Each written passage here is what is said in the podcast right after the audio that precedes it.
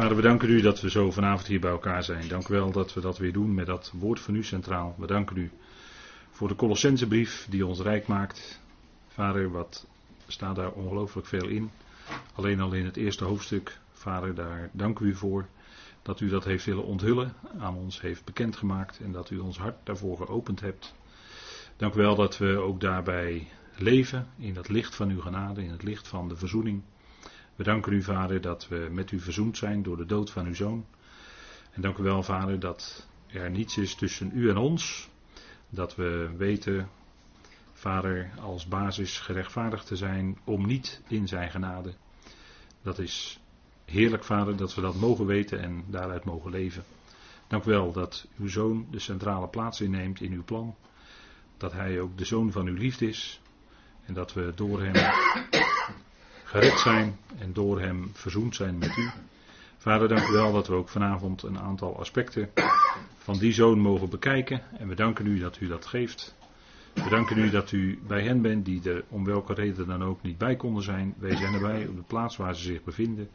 We danken u, Vader, dat we dankbaar mogen zijn met elkaar. Met, Vader, fijne dingen die we mogen beleven met elkaar. En we danken u dat u zo deze avond ons wilt leiden in het spreken, in het luisteren.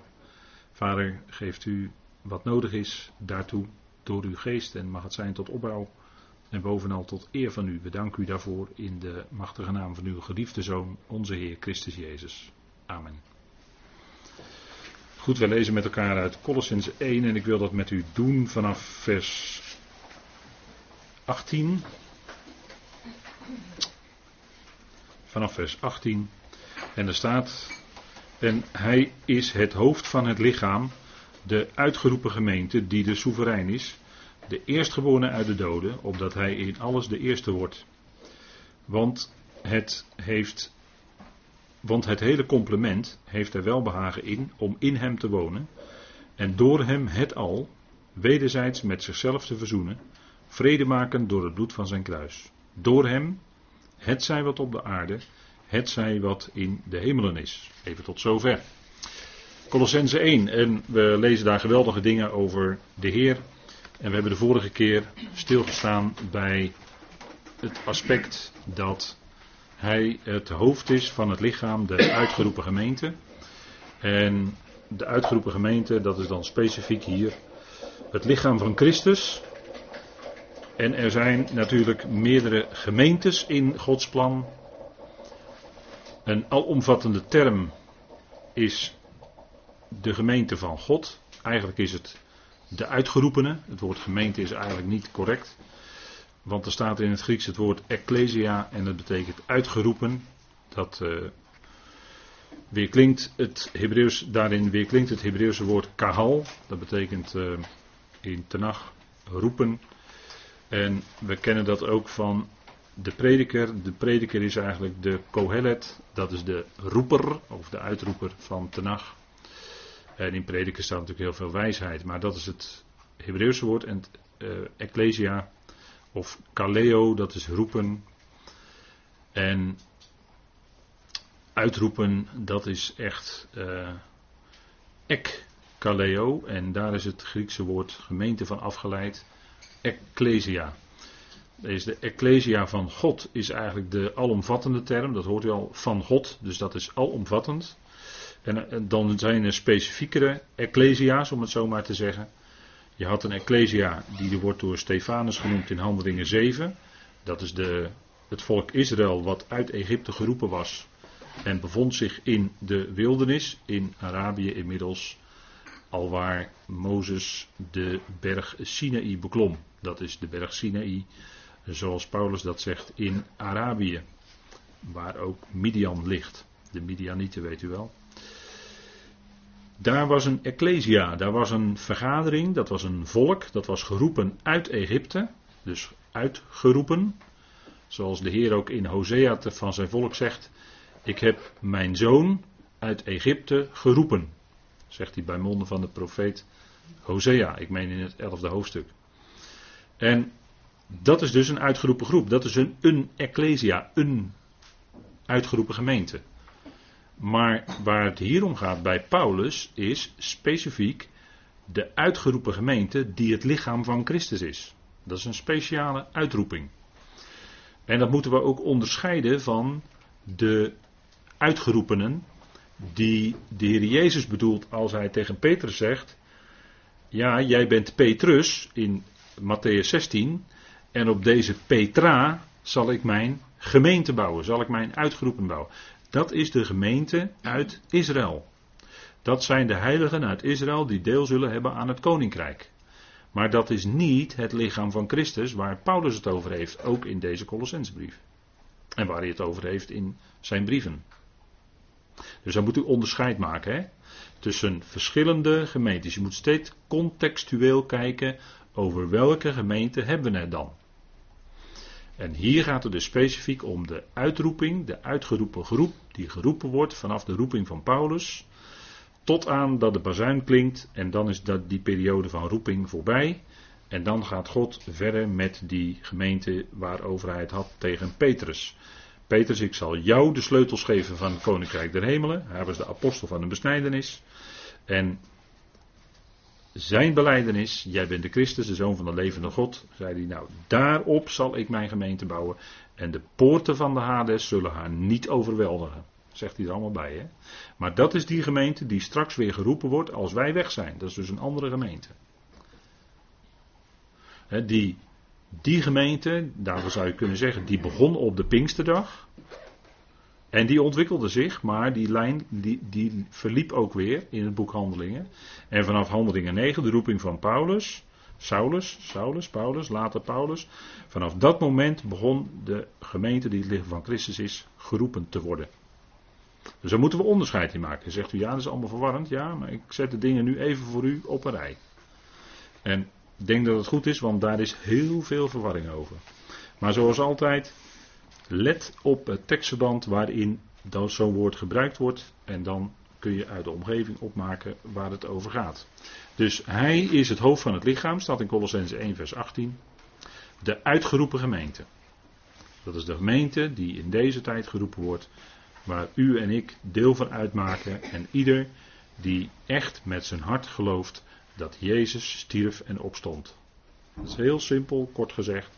Maar dat is wat Paulus aangeeft in 1 Thessalonicense 4. En dat is dan ieder die met de geest, de heilige, verzegeld is.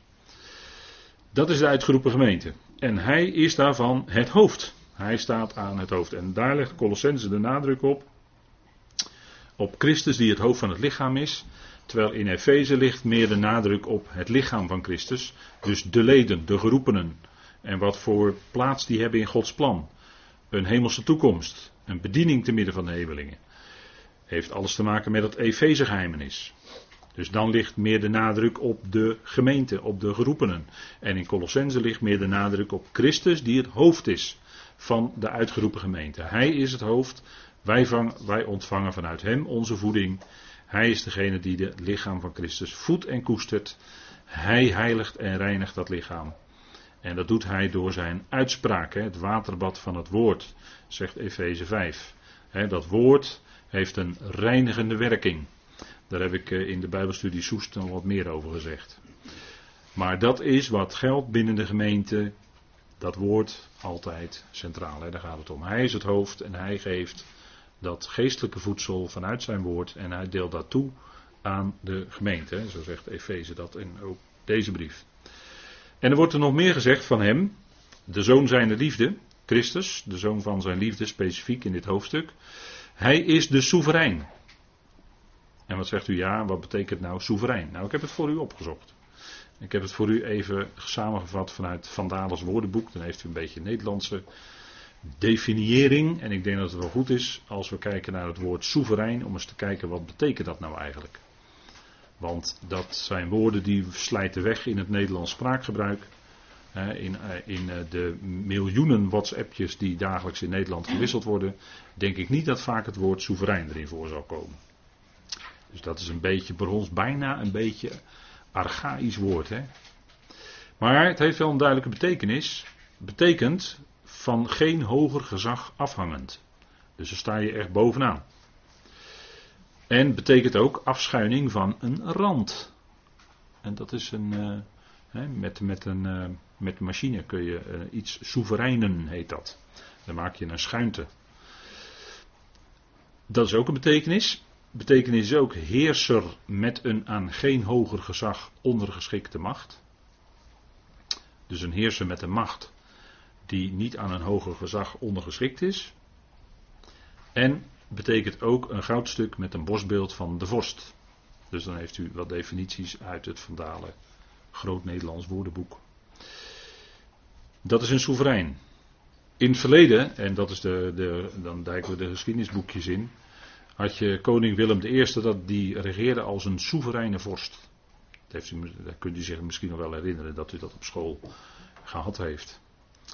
En dat was natuurlijk nadat Nederland een republiek was geweest, hè, want we zijn nog niet zo lang een uh, monarchie hoor. Dat is nog maar uh, redelijk recent dat we een monarchie zijn. Daarvoor waren we een republiek der zeven Verenigde Nederlanden en hadden we niet eens uh, het zuidelijke gedeelte, een deel van het zuiden erbij. Maar goed, dat is allemaal geschiedenis, daar zal ik u niet mee vermoeien. Soeverein, maar wat betekent dat dan volgens de schrift?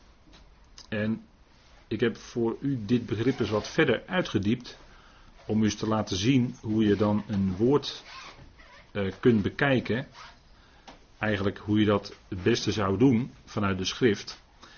Kijk, een soeverein, dat is uh, hier in het Grieks een bepaald woord. Maar daar ligt onder het Hebreeuwse woord en dat is rosh. Of eigenlijk moet ik het uitspreken als ik de A uitspreek, want er staat een alef. Rosh is de uitspraak die um, voortkomt uit het vocalisatiesysteem, zoals het in de 8e, 9e eeuw is toegevoegd aan de Hebreeuwse schrift. Maar lees je dat zonder, dan is het eigenlijk rash. Als je de alef als A wil uitspreken. En dat betekent uh, niet alleen oorsprong of het origineel. Het betekent ook het begin. Ik heb u op deze dia wat teksten uh, opgezocht. Er komen veel meer vindplaatsen hoor met het woord rosh in de schrift. En Genesis 1 vers 1 spreekt over het begin van de schepping. Hè? Dat is het eerste woord, berashit. Dan hoort u het. Berashit. Het begin van de schepping. In begin schiep God, hè, schiep Elohim, de hemelen en de aarde. Dat is een enorm statement natuurlijk. Hè? Een geweldige mededeling die ons gedaan wordt. Dan heb je de oorsprong gelijk te pakken waar het vandaan komt. Hè? De schepping is uit God. Dan Genesis 10 vers 10. En als u de studies openbaring volgt, dan weet u daar ook iets meer van. Daar gaat het om het begin of het beginsel van het koninkrijk van Nimrod. Babel was het begin of beginsel van zijn koninkrijk. Dus hebben we weer een iets andere betekenis van het woord Rosh. Het betekent ook stamhoofden in Israël. Exodus 6 schrijft daarover, vers 25. Dit zijn de hoofden, oftewel de stamhoofden, of de familiehoofden, moet ik eigenlijk zeggen, van de vaders van, en er worden daar in tekstverband wat Levitische families genoemd. Hè? Uh, Kohat en uh, de, de stamwaarde natuurlijk, of uh, Aaron wordt natuurlijk nadrukkelijk genoemd hè, binnen Levieten. Dat was de stam waaruit de priesters uh, kwamen. En de hoofden van de die de hoofden, daar, daarvoor wordt het woord Rosh gebruikt. En dan lezen we in uh, 2 Kronieken 3. 2 Kronieken 3. Daar wordt gesproken over de pilaren van de. De pilaren van de tempel. Die worden daar genoemd. En dan de top, de, de, de het bovenste van die pilaren. Dat, daarvoor wordt ook het woord ros gebruikt. Dus de boven, bovenstuk van de pilaar. Er wordt hier genoemd het kapiteel. Dat is natuurlijk een oud woord. Hè? Dat uh, kapiteel, dat is ook ons woord hoofdstuk. Hè? Een kapitel, een hoofdstuk. Maar een kapiteel dat er bovenop lag. En dat woord boven is dan in de herziende statenvertaling is het woord rosh. En in vers 16 de boven en deurgedrukt kant van de pilaren. Nou, dat bovenste, dat is Rosh, dat is de top. Dus dat zegt ook iets over dat woord Rosh. Hè? En dan Psalm 3, vers 3 spreekt over het menselijke hoofd, wordt ook Rosh genoemd. Dus het hoofd van een mens. U heft mijn hoofd omhoog. Dat is wat God doet. dat is wat de psalmist kende.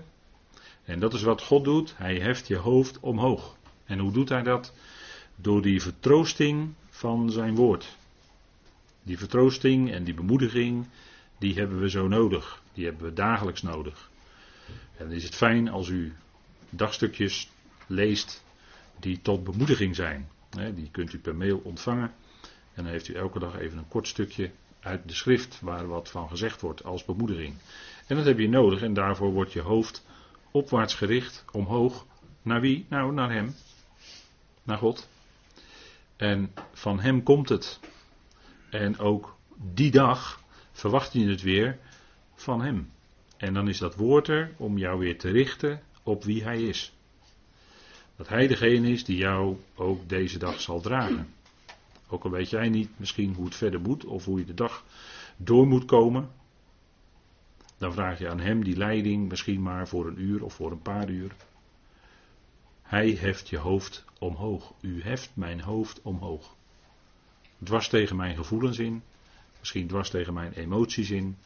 Maar toch, u heft mijn hoofd omhoog. En u bepaalt mij weer bij wie u bent. En dat geeft mij weer die blijdschap in mijn hart. Dat is geweldig hè. Nou, zo wordt het in Psalm 3 gebruikt. Voor, het, voor ons eigen hoofd, hè, wordt ook het woord roche voor gebruikt. Het hoofd van de bergen. Jezaja 2 vers 2 spreekt daarover. In het hoofd van de bergen. Dus de top van de berg of de belangrijkste berg. Daarvoor wordt dat woord ook gebruikt. En in Amos 6 zien we dat het de eerste is van een reeks. Want er wordt gezegd, daarom zullen zij nu als eersten, wordt ook dat woord gebruikt, in ballingschap gaan. Dus dan zie je het ook dat het begin is van een reeks. Hè? Dus het woord Rosh is niet alleen een begin in tijd, maar het betekent ook de eerste van een reeks. Het betekent eventueel iets van een beginsel of een begin van een ontwikkeling. Het betekent hoofd in de zin van de top van een pilaar of het hoofd van een mens. Nou, dan krijgt u een beetje indruk van wat het woord vanuit de Hebreeuwse schrift, vanuit de nacht, betekent. Hè? En dat ligt dan onder het Griekse woord wat we aantreffen in Colossense 1, vers 18. Dat is het woord arche. En dat, is, dat, dat kun je weergeven met oorsprong of origineel. En inmiddels hebben we door het woord rosh al wat meer begrip ervoor gekregen. En dat woord wordt op, ook heel veel gebruikt in de Griekse schrift. En we lezen bijvoorbeeld in Matthäus 19, vers 4. Hebben jullie niet gelezen dat hij van het begin hen mannelijk en vrouwelijk gemaakt heeft, zegt de Heer Jezus in gesprek met de fariseeën en schriftgeleerden als het gaat over huwelijk en scheiding. En dan zegt de Heer, hebben jullie niet gelezen dat hij van het begin, dus vanaf de aanvang, vanaf het moment dat de mens geschapen werd, dat hij ze mannelijk en vrouwelijk heeft geschapen. En dat verwijst de Heer Jezus dus terug naar de oorspronkelijke schepping, het begin. Daar gebruikt hij het woord, dan gebruikt Matthäus schrijft dan het woord arge. Marcus 1, vers 1 spreekt over het begin van het evangelie van Jezus Christus. Er wordt ook dat woord gebruikt. Hè?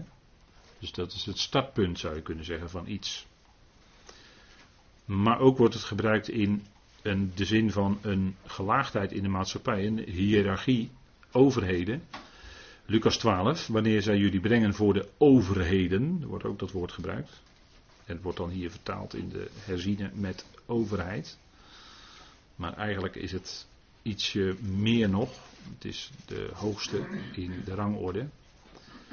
Johannes 2, als het gaat om de bruiloft in Cana, dan staat er: Dit heeft Jezus gedaan als het begin van zijn tekenen. En in het Johannesevangelie, wat overigens bijzonder is, Johannes, daar, daar worden diverse tekenen van de Heer genoemd. Ah, hij doet daar acht tekenen acht wonderen, maar dat zijn eigenlijk tekenen van zijn Messias zijn, van zijn Messiaschap. Waardoor, en daarom had Johannes ze ook opgetekend, waardoor zijn volk zou kunnen weten dat hij de Messias is. Daartoe, dat was ook het doel van het schrijven van Johannes. En opdat ze in hem zouden geloven. Er wordt in Johannes ook veel gesproken over geloof. En als je nou in de inhoud van Johannes bekijkt, en dat heb ik in de studie in Soest ook even genoemd, dan gaat Johannes eigenlijk over de situatie in het koninkrijk. Dus in de duizend jaren. Dus heel specifiek voor Israël in de duizend jaren en daarna. Voor Israël en natuurlijk ook de volkeren. Maar specifiek voor Israël in de duizend jaar en op de nieuwe aarde. Daar, daar gaat Johannes Evangelie eigenlijk over. Dan heeft u een sleutel voor dat evangelie, wat we dan altijd evangelie van Johannes noemen. Met al zijn voorwaarden. Goed, even een ander punt. Dan gaan we even naar handelingen. Dus we wandelen even door de Griekse schrift heen. Handelingen 10, vers 11. Daar zag Petrus een groot laken. Dat aan vier hoeken naar beneden werd gedaan. En er zaten onder, reine en onreine dieren. En Petrus zou daarvan eten. Om, dat was om hem te overtuigen naar Cornelius te gaan. Maar de vier hoeken, daar zou je een ander woord verwachten in het Grieks. Maar er staat het woord arge. Dus dat is toch wel. En dat zijn dus vier beginpunten, zou je kunnen zeggen, waaraan het laken werd omhoog gehouden. Ander, weer iets anders is, Romeinen 8. Dat is natuurlijk een geweldig, uh, geweldig vers, geweldige versen. Daar gaat het om de liefde van God in Christus. En er is niets wat ons kan scheiden van zijn liefde, die is in Christus Jezus. Nog leven, zegt Paulus dan, nog boodschappers, nog machten. En dan gebruikt hij dat woord arge. Dat is dat eigenlijk de hoogste van een rangorde. Soevereiniteit gebruikt hij in Efeze 1 vers 21. Dus dat is hetzelfde woord, maar daar hebben we, dat is de concordante vertaling. En er staat dat Christus is geplaatst boven iedere soevereiniteit en gevolmachtigde. Dus dan heb je in het geestelijke bereik heb je allemaal machten en krachten, geestelijke machten en krachten. En de bovenste van die machten en krachten, dat is dan een soevereiniteit. Maar Christus is daar nog boven gesteld. Dus boven die geschapen machten en krachten. In, in het kader van Colossense zijn dat de onzichtbare. Paulus heeft in Colossense 1 vers 16 over dat alles in hem geschapen is. Het zichtbare en het onzichtbare. Nou, het onzichtbare zijn machten en krachten. Die ook verzoening nodig hebben. En daaronder, te midden, hè, onder die machten en krachten, heb je ook soevereiniteiten. Maar Christus is daarboven geplaatst. En dan in Judas vers 6, dat is weer een hele andere. Daar wordt meer het begrip oorsprong verwezen naar het begrip oorsprong. Dat zit er ook in. Daar, daar gaat het om die geesten, laat ik het zo maar even noemen. Maar in de bespreking van het boek Openbaring zullen we nog wel aan Judas ergens een keer toekomen, denk ik. En er wordt gesproken over ehm, geesten die aan hun oorsprong ontrouw werden. Dus die hadden een bepaalde plaats gekregen, dat was hun oorspronkelijke plaats, maar daar werden ze ontrouw aan en ze bevonden zich elders. En dat was niet correct en daarom moeten ze ook wachten in duisternis op de dag van het gericht. Goed, openbaring 3 vers 14, dat wordt over onze Heer gezegd. En dan komen we weer bij Colossense. Daar wordt hij genoemd, in openbaring 3 vers 14, daar wordt hij genoemd de waarachtige getuige, het begin van Gods schepping. En zo hebben we hem ook gelezen in Colossense 1 vers 16, waarin staat dat, en dat komt eigenlijk naar voren, Hè, dat hij de eerste is, dat hij het begin is. Hij is het, uh, Colossens 1 vers 15, dan lees ik dan even met u, daarop op openbaring 3 aansluitend. Hij is het beeld van de onzichtbare God, de eerstgeborene van heel de schepping. En er wordt in openbaring dus gezegd, hij is het begin van Gods schepping. Nou, die dingen, die, die uitspraken, die liggen heel dicht bij elkaar. Alleen belicht openbaring het even net weer iets van, van andere kant door dat woord begin te gebruiken. En Paulus gebruikt hier figuurlijk het woord eerstgeborene. En dat is in verband met het feit dat hij genoemd wordt hier de zoon van Gods liefde. Dus zoon ten opzichte van de vader, hij is de eerstgeborene. Terwijl in openbaring 3 is het een iets ander tekstverband. Daar wordt hij genoemd de waarachtige getuige. En daarom het begin van Gods schepping. Dus dat is een iets andere context. Hè? Vandaar dat verschil. En dat eerstgeborene wordt ook genoemd in vers 18, waar we nu mee bezig zijn, die de soeverein is. Dat is in het Hebreeuws dus het woord rosh, maar hier staat natuurlijk Grieks. En hier is het het woord arche, dus het begin of het hoofd of de soeverein. Hij is dus de soeverein, zelfs boven de geestelijke machten en krachten, boven de soevereiniteiten van de geschapen geestelijke machten. Daarboven is hij de soeverein. Staat hij aan het hoofd, is hij, kun je ook nog zeggen, het begin. En ook de zichtbare. Want ook in de zichtbare wereld, in, dan gaat het meer om mensen, kennen we ook natuurlijk een hiërarchie. En kennen we ook de hoogste rangorde binnen die hiërarchie bij mensen. Maar ook is de zoon daarboven geplaatst. Hij staat boven alles. Daarom is hij de soeverein. En dat zegt Paulus dan in uh, Colossense 1, die de soeverein is. En hij is de eerstgeboren uit de doden. Dus daarin zien we dat die plaats die hij nu heeft, de hoogste is. En dan natuurlijk uiteraard altijd onder zijn God en Vader. Hè. Dat nemen we altijd mee. Maar als het gaat om die hele schepping, dan is hij de soeverein. Hij staat bovenaan. Zoals in Colossense 1 staat, en ik heb deze dia even iets voor u geprobeerd dat iets meer te visualiseren door zo'n organogrammetje. Dan is er één die bovenaan staat, dat is zeg maar de soeverein, en de rest staat er allemaal onder. En dat heb je in het geestelijke bereik, dus je hebt in het geestelijke bereik heb je troonheerschappijen, soevereiniteiten, die staan er bovenaan. En daaronder kennen ze dan een hele serie machten en krachten. En zo is het ook bij mensen. Je hebt soevereiniteiten, je hebt dus de, de vorsten of de, de, de regeerders eh, of presidenten. En daaronder heb je een heleboel, maar daarboven, de bovenste is dus soevereiniteit. En boven dat alles, zowel onzichtbaar als zichtbaar, is Christus, is de zoon van zijn liefde, de soeverein. Dus dan heeft u een idee wat zijn hoge plaats is. Hè? Hij staat boven alles. En zoals Colossense 2 vers 10 het ook zegt, hij is het hoofd van iedere soevereiniteit en gevolmachtigde. Nou, dat, wil, dat, wil, dat is dan een iets ander beeld, hè? er wordt het woord hoofd gebruikt. Maar dan zien we dus dat hij daarboven staat. Hè? Net zoals hij het hoofd is van het uitgeroepen lichaam, is hij ook het hoofd van iedere soevereiniteit en gevolmachtigde. En vandaar toen hij, uh, hij had natuurlijk een enorme macht, maar hij werd mens, maar ook in zijn mens zijn bleek hij wel degelijk een, over een macht te beschikken. Hij kon wonderen doen, wondertekenen doen. En op het moment dat hij bij Legio kwam, weet u wel, vroegen ze aan hem: Heer, komt u, in, komt u nu al uh, om ons te oordelen? En hij sprak een woord en ze voeren in die, in die uh, wat waren het? Wilde zwijnen geloof ik hè?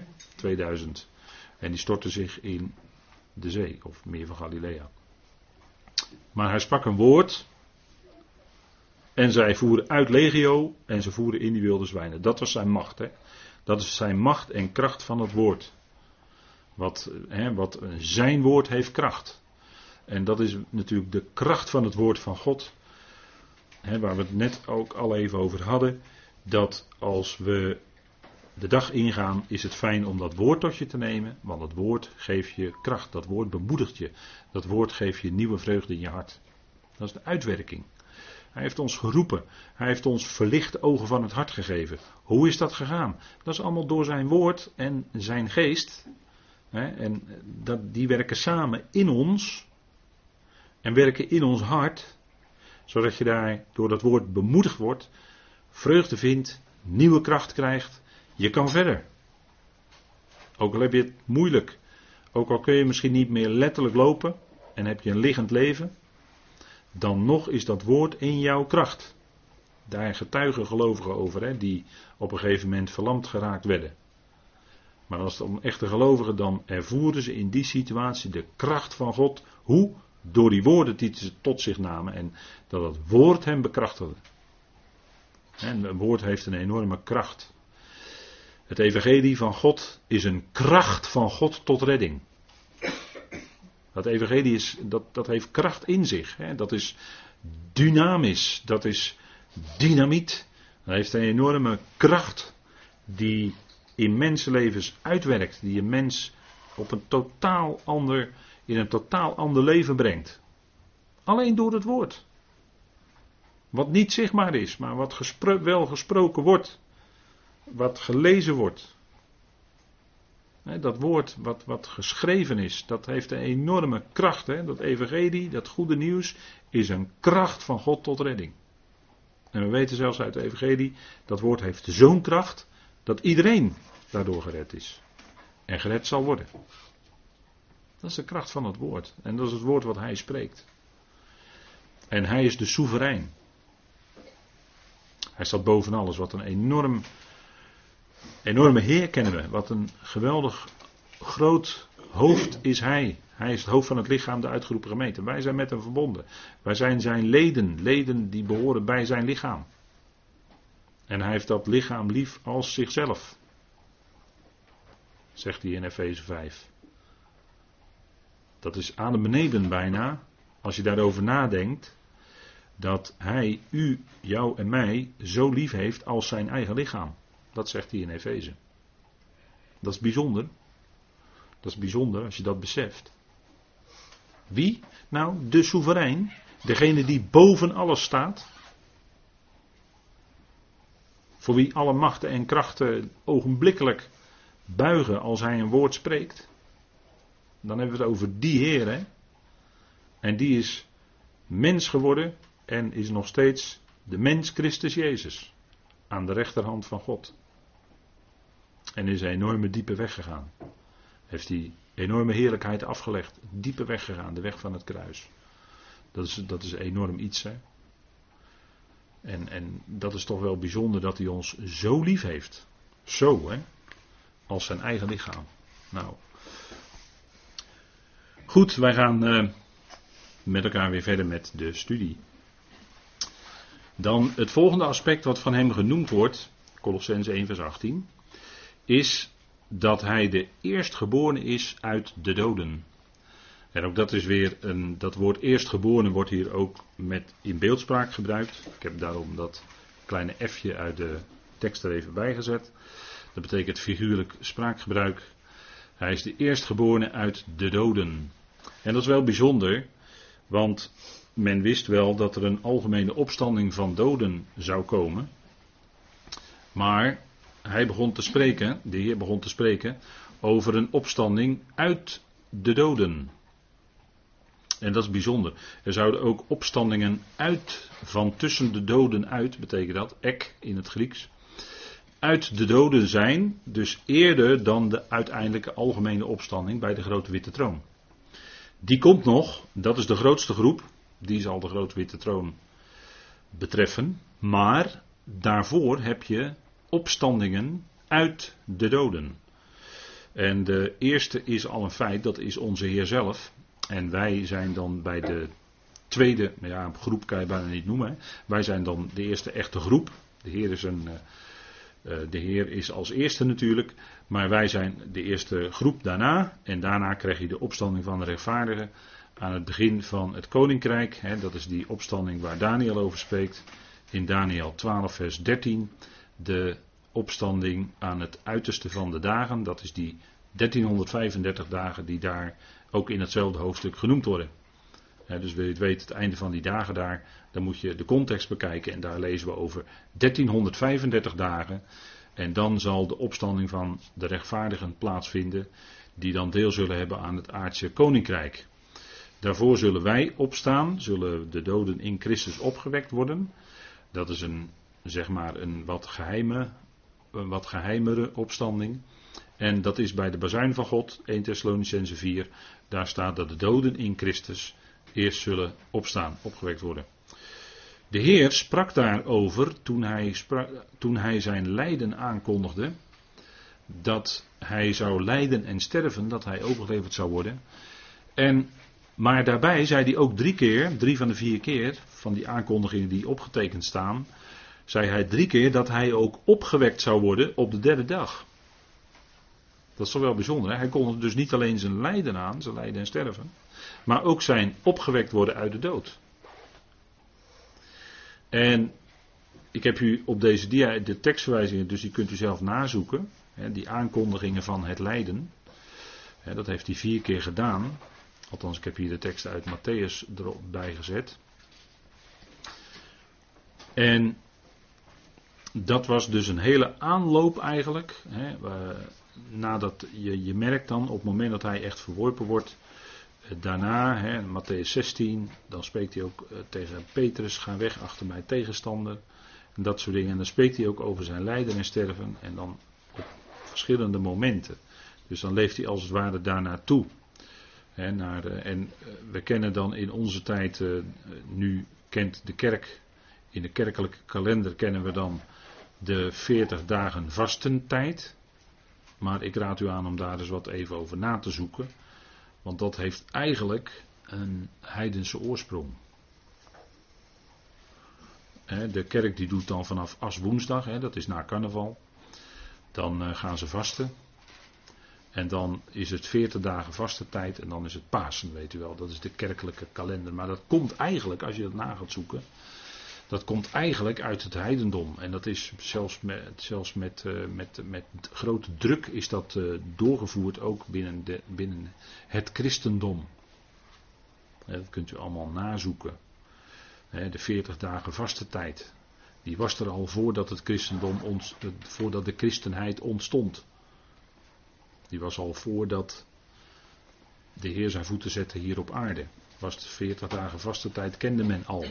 Maar dat was puur in het heidendom. Hè. Dat had te maken met, uh, ja, met allerlei godsdiensten, met Semiramis en weet ik wie allemaal, de koningin des hemels of zo. En een kindje en moeder en kindje en noem alles maar op. Hè. Al, die, uh, al die afgodische zaken. En dan vaste men, dat had te maken met Tammuz. Tammuz met een Z aan het eind. En er wordt over, in Ezekiel wordt er ook iets over gezegd, hè, dat, uh, dat Ezekiel moest uh, zijn eigen volk aanklaagde, want zij namen de tijd van het vasten, of weet ik het, het, het, het, rouwen om Tammuz namen ze in acht. Tammuz, dat, was, dat had ook met afgoderij te maken, moet je ook maar kun je, Wikipedia kun je zo allemaal terugvinden. Nou, daar heeft het allemaal mee te maken. Daar komt die 40 dagen vaste tijd vandaan. dus dat, uh, en Pasen ja, dat, dat heeft, uh, ja, uh, wat, wat doen ze dan? Eieren zoeken geloof ik, eieren verstoppen. En, uh, weet ik het allemaal? Kon, nou, nou, laat maar. Maar dat is allemaal heidense oorsprong. Hè? Dat heeft allemaal niks met Pasen te maken. Pasen is ook een, een ingevoerd feest in het christendom. En de kerk heeft dat ingevoerd, zich afzettend tegen Israël. Daar komt eigenlijk op neer. Toen was, toen was het antisemitisme in de kerk al hevig aanwezig hoor. Dat was al heel vroeg dat het in de kerk aanwezig was. Kerk in de plaats van Israël. Nou, de grootste dwaling die je kan voorstellen. 40 dagen vaste tijd heeft men ook meegenomen. En zo zijn natuurlijk vele, vele dingen die je op kan noemen, die allemaal in de kerk allemaal eigenlijk uit het heidendom komen, die men allemaal gechristianiseerd heeft en overgenomen heeft. Ja, wij, wij kennen helemaal geen rituelen, wij kennen helemaal geen vaste tijden of dagen of wat dan ook, niets. Wij, wij kunnen het hele jaar door kunnen we de opstanding vieren. We hebben het over dat hij de eerstgeborene uit de doden is, nou dat kunnen we elke dag gedenken. Wij hoeven niet één keer per jaar onszelf op te peppen en dan Pasen te gaan vieren. Maar wij vieren het hele jaar door zijn opstanding. Daar leven wij uit. Uit, uit die kracht van zijn opstanding. Dat werkt in ons. Zo leefde Paulus toch ook, hebben we gezien in de Filippense brief. Hij strekte zich uit naar de uitopstanding uit de doden. Dat is die opstandingskracht nu al in het dagelijks leven ervaren. dat, is, dat, dat is wat we. En dus leven wij elke dag uit die kracht van zijn opstanding. Dus dat is heel iets anders dan leven elk, elk jaar weer een kalender afwerken en dan 40 dagen en dan is het weer Pasen en dan wordt het weer Pinksteren en noem maar op. Dat allemaal vind je niets van bij Paulus, hè? helemaal niets. Bij Paulus vind je geen enkel ritueel, juist in tegendeel. Paulus verzet zich juist in deze Colossensebrief hevig tegen allerlei religie en rituelen. Want Christus is het antwoord. Christus in de plaats van religie. Christus is het antwoord op elke filosofie. Daar ben je voorbij, elke filosofie. Christus is het antwoord, want Hij is de soeverein. Hij is het begin van de schepping? Dan heb je het antwoord. Waar komen wij vandaan? Christus. In hem is het al geschapen. De zoon van zijn liefde. Daar komen wij vandaan. En dan heb je niets meer te maken met filosofie, die het antwoord wil weten op waar komen wij vandaan, waar gaan we naartoe en hoe moeten wij vandaag leven. Dat is filosofie. Het antwoord is Christus. Want onze identiteit wordt niet bepaald door ons gefilosofeer. Maar onze identiteit wordt bepaald door wat wij in Hem zijn en wat Hij in ons is. Hij is onze identiteit. Het is niet langer ik, maar Christus leeft in mij. Kijk, dan praat je Paulinisch. En, en dat, is de, hè, dat is waar het om gaat. Hij leeft in mij, zegt Paulus. Dat is dus uit die opstanding, uit die kracht van zijn opstanding. En dat is dagelijks. En, en dat is het punt, hè. En daarom, 40 dagen vaste tijd heb ik dan hier even opgezet. Hè, met een heel groot vraagteken. We hadden maar er gewoon een dikke streep doorheen. En vasten, daar hebben we met elkaar ook alles over gesproken. Of het, of het vasten in de Bijbel voorkomt. En toen hebben we gezien, nee, het komt niet in de Bijbel voor. In de Bijbel lees je niets over dat wij eventueel zouden moeten vasten. Ook bij Israël niet.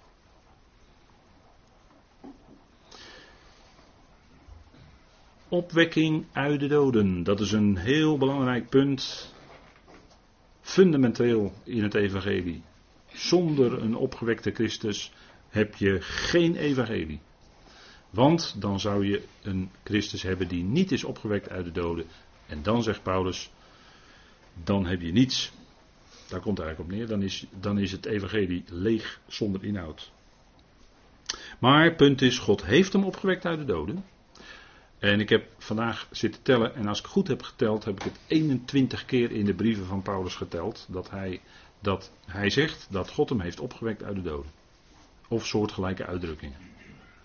En dat is mooi. 21 keer zegt u, ja, dat is mooi. 3 keer 7, ja, inderdaad, dat is mooi.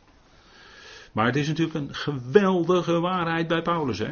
Hij spreekt daar dat hele geweldige hoofdstuk 1 Korinthe 15 over. Omdat er Corinthiërs waren die twijfelden aan de opstanding, de lichamelijke opstanding van Christus. Nou, Paulus haalt daar een dikke streep doorheen, laat aan alle kanten zien. Nee, hij is opgewekt. Hij is zelfs onder getuigen is dat vastgesteld. Zelfs één keer aan meer dan 500 broeders tegelijk. Hè? Meer dan 500 tegelijk. Wil je meer bewijs? Thomas, die legde toch zijn hand in zijn zij en in zijn handen. Om de gaten te voelen. Nou, dat is toch bewijs. Hij zei toch mijn Heer en mijn God.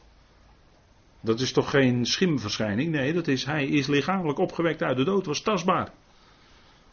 Dat zijn de bewijzen.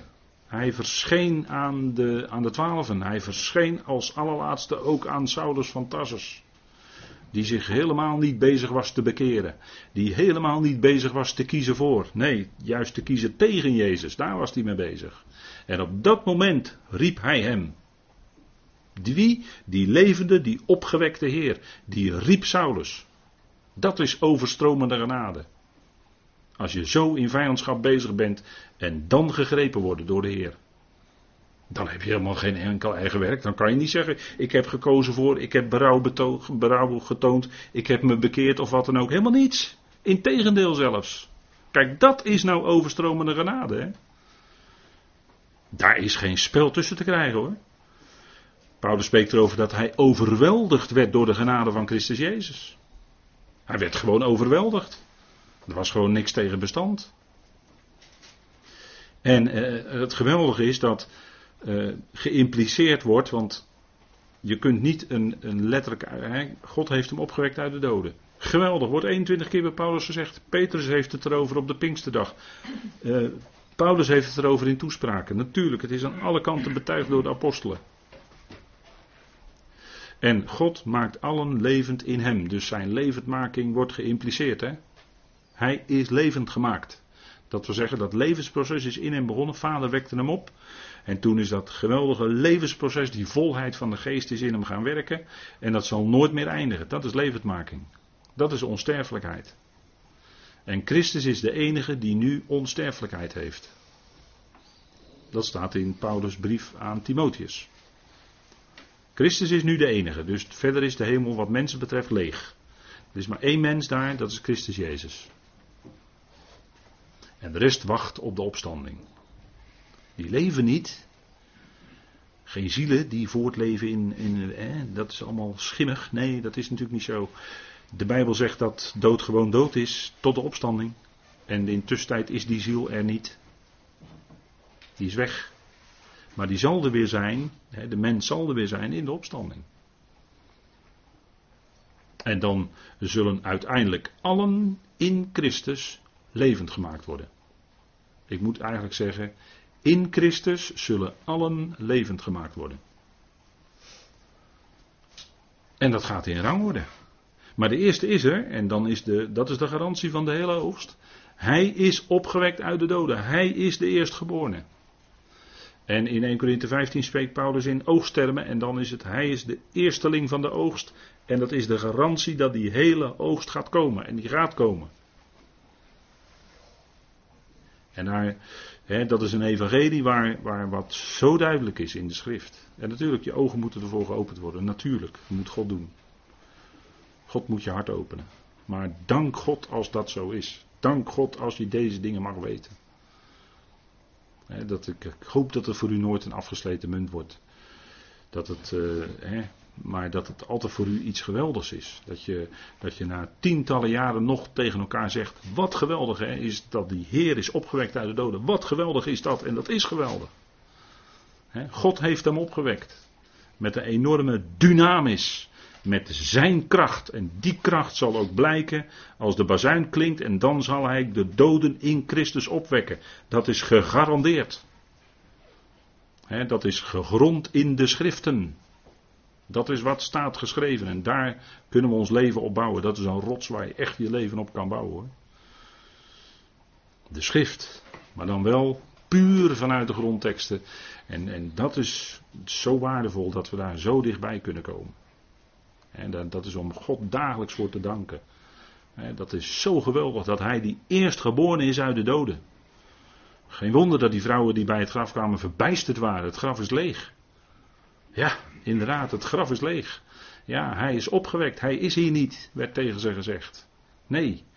En dat is het geweldige waar de apostelen van getuigden. Die, die hadden niet een geestverschijning gezien, maar die hadden hem gezien in zijn opwekking. En geen wonder dat ze daar niet over konden zwijgen. want het is natuurlijk zo geweldig. Ze hadden gedacht, alles is afgelopen. Dat dachten die Emmausgangers ook. Maar wat een wonder. Nee, hij liep met hen op. En hij liet hun zien al wat in de schriften op hem betrekking had. En dat is ontzettend veel. De hele schrift spreekt over hem. Die opgewekt zou worden uit de dood. Petrus haalde dat aan toen hij sprak op de Pinksterdag uit Psalm 16. u maakt mij het pad van het leven bekend geweldig op, op, vanuit Psalm 16 in het Hebreeuws gesteld. En in feite al doelend op die levendmaking. U maakt mij het pad van het leven bekend. En dat geldt niet alleen voor de Christus zelf als eerste, maar het geldt ook voor ons. Binnenkort. Dan zullen we dat werkelijk aan den lijve gaan ondervinden. Ook al voelen we dat nu niet en al voelen we vandaag de dag dat we stervelingen zijn, dat we stervende zijn, dat we pijn hebben, dat we moeite hebben, dat we lijden lichamelijk, dat is heel moeilijk. Maar er zal een dag komen dat het lijden voorbij is. God zij dank heeft hij daar een grens aangesteld hè, aan dat lijden. Dat is niet onbeperkt.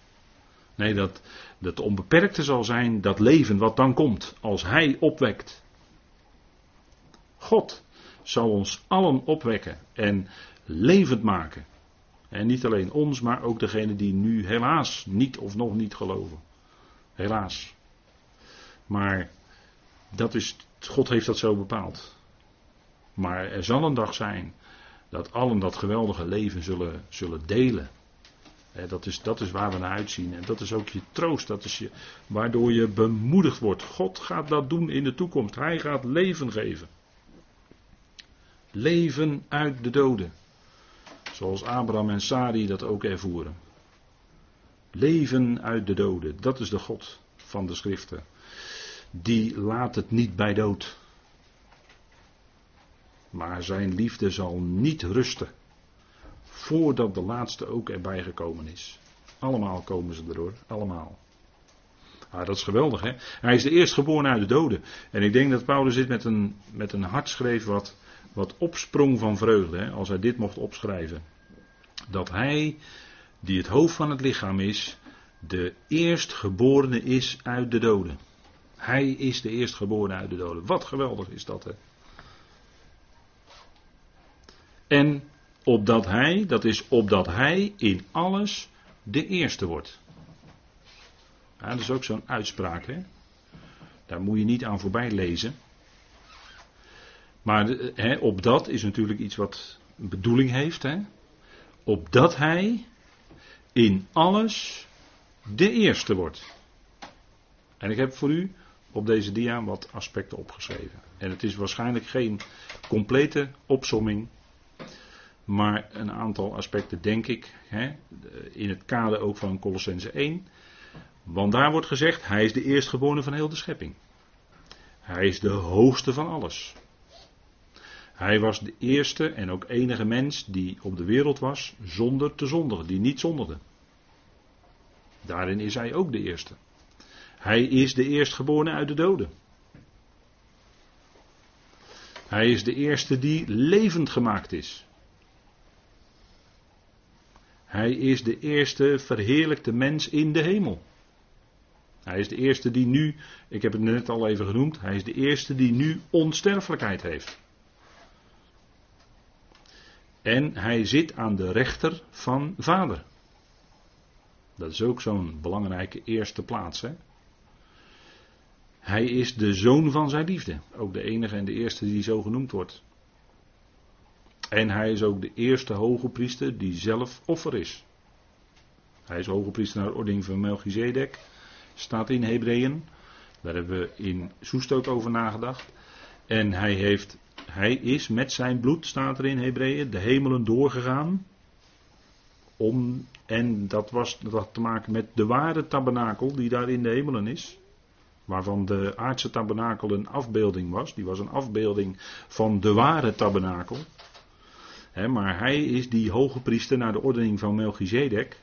Die met zijn eigen bloed de hemel is doorgaan. Zoals de hoge priester op aarde. één keer per jaar op Yom Kippur. Die hele gang maakte. En daarvoor alleen linnen kleding droeg. En zijn kleurige kleding als hoge priester dan aflegde. Maar hij ging dan met dat bloed naar het binnenste heiligdom, het heilige der heiligen. En hij sprenkelde dan dat bloed op die ark van het verbond. En dan was het weer voor een jaar bedekt of beschermd voor het volk. Maar dat moest steeds herhaald worden.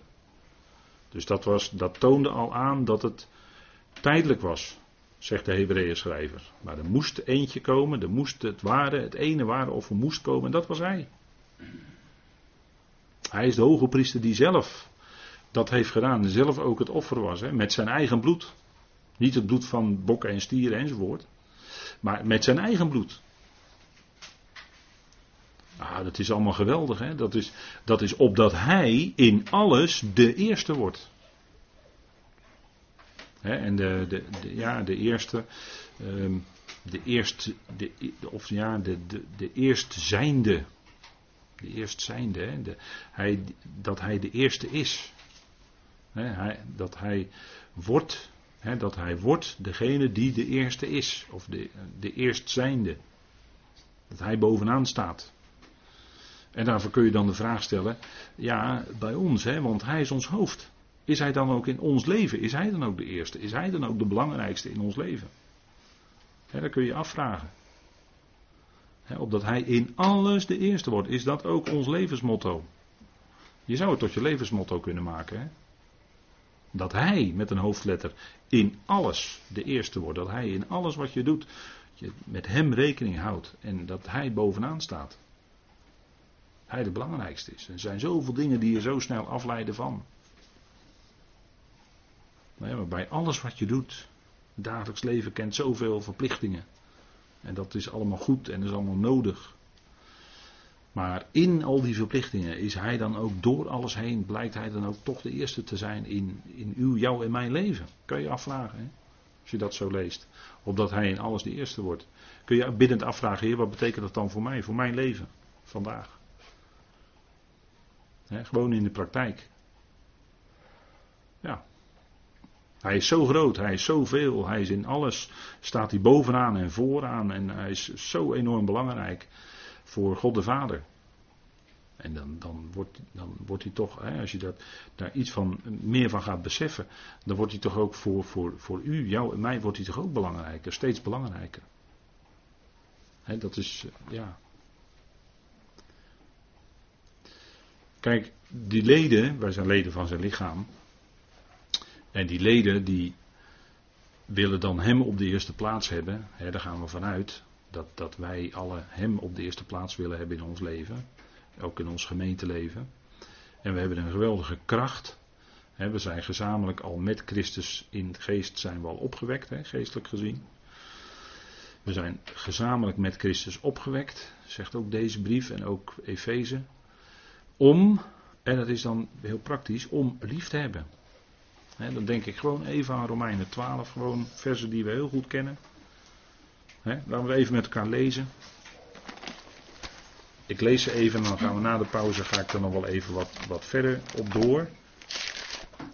Maar dan hebben we alvast dat even mee in de pauze. Romeinen 12, vers 9.